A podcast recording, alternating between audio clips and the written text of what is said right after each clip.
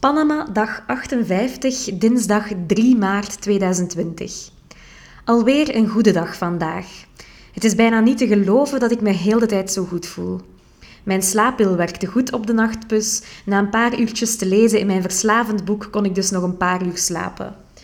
Wel, eventjes on the side, terwijl ik dit nu voorlees, weet ik wel dat mijn slaappil eigenlijk te goed werkte. Want we hebben ook nog een stop gedaan s'nachts en ik was echt zo raar als iets. En ik weet daar nog maar half van. Ik weet gewoon dat ik raar was.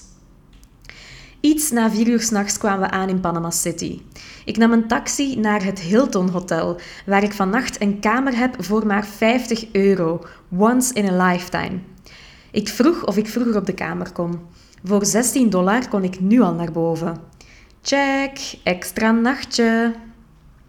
Oh man, dit is zo'n zalig bed. Zo van die steengoede bedden die je alleen in zotte hotels vindt. Ik had vier kussens en twee meter plaats om te rollen. Zalig, zalig. En het was een ruime kamer met een sofa. Oh, daar wil ik straks nog een Netflixen. En een ruime badkamer. Deze ochtend ontdekte ik dan ook de gym en de grote jacuzzi op het dakterras. Ik wandelde naar Athanasiu om te gaan ontbijten. Deze plek was me aangeraden door Simone en Gerard. Het voelde echt heel vreemd aan om alweer in een zeer grote stad vol skyscrapers te lopen.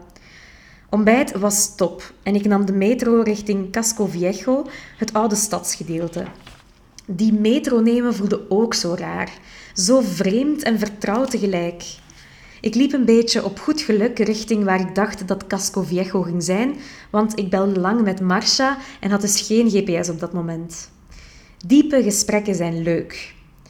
Casco Viejo was ook mooi. Er waren mooie koloniale straatjes en je vergat even de grootstad. Ik belde dan ook nog eens met mijn schoonzus Romina.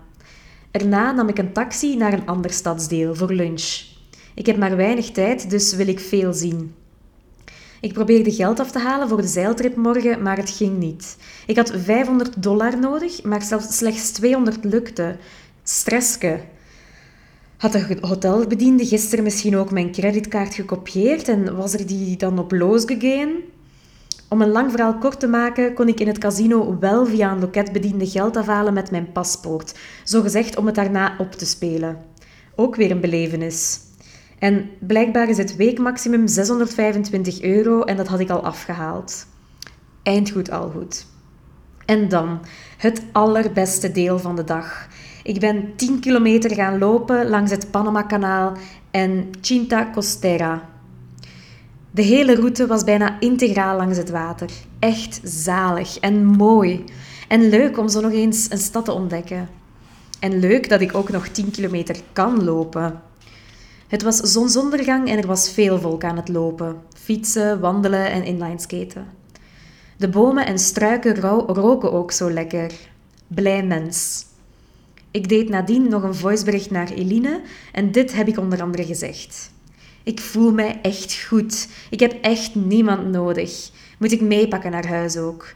Ik heb niemand nodig om geluk te zijn. gelukkig te zijn. Niet waar, vriendinnen wel. Perfect op mijn eigen.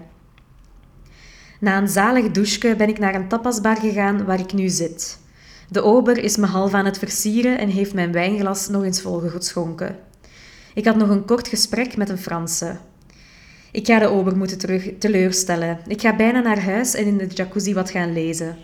Ik moet ook nog mijn tas maken voor de komende dagen en moet vroeg op. Te weinig uren in een dag en nog te weinig dagen in Panama City.